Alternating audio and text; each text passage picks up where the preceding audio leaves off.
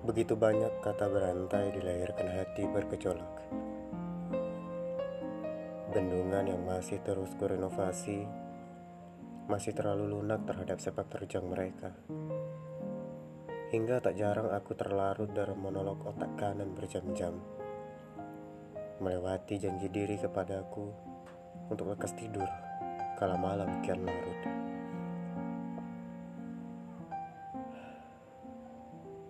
Apakah itu artinya besok aku akan bosan karena lelah tak puas melepas diri dari tubuh lantaran hanya sesaat saja jatuh di atas lelap? Kepada Muhammad Ghalib. Engkau ialah aku yang dilahirkan untuk tujuan yang begitu kontras. Abstrak semakin memegang kendali dirimu yang adalah aku yang begitu ambigu. Jika aku setiap sekian detik merelakan engkau, jatuh ke dalam kerumunan itu.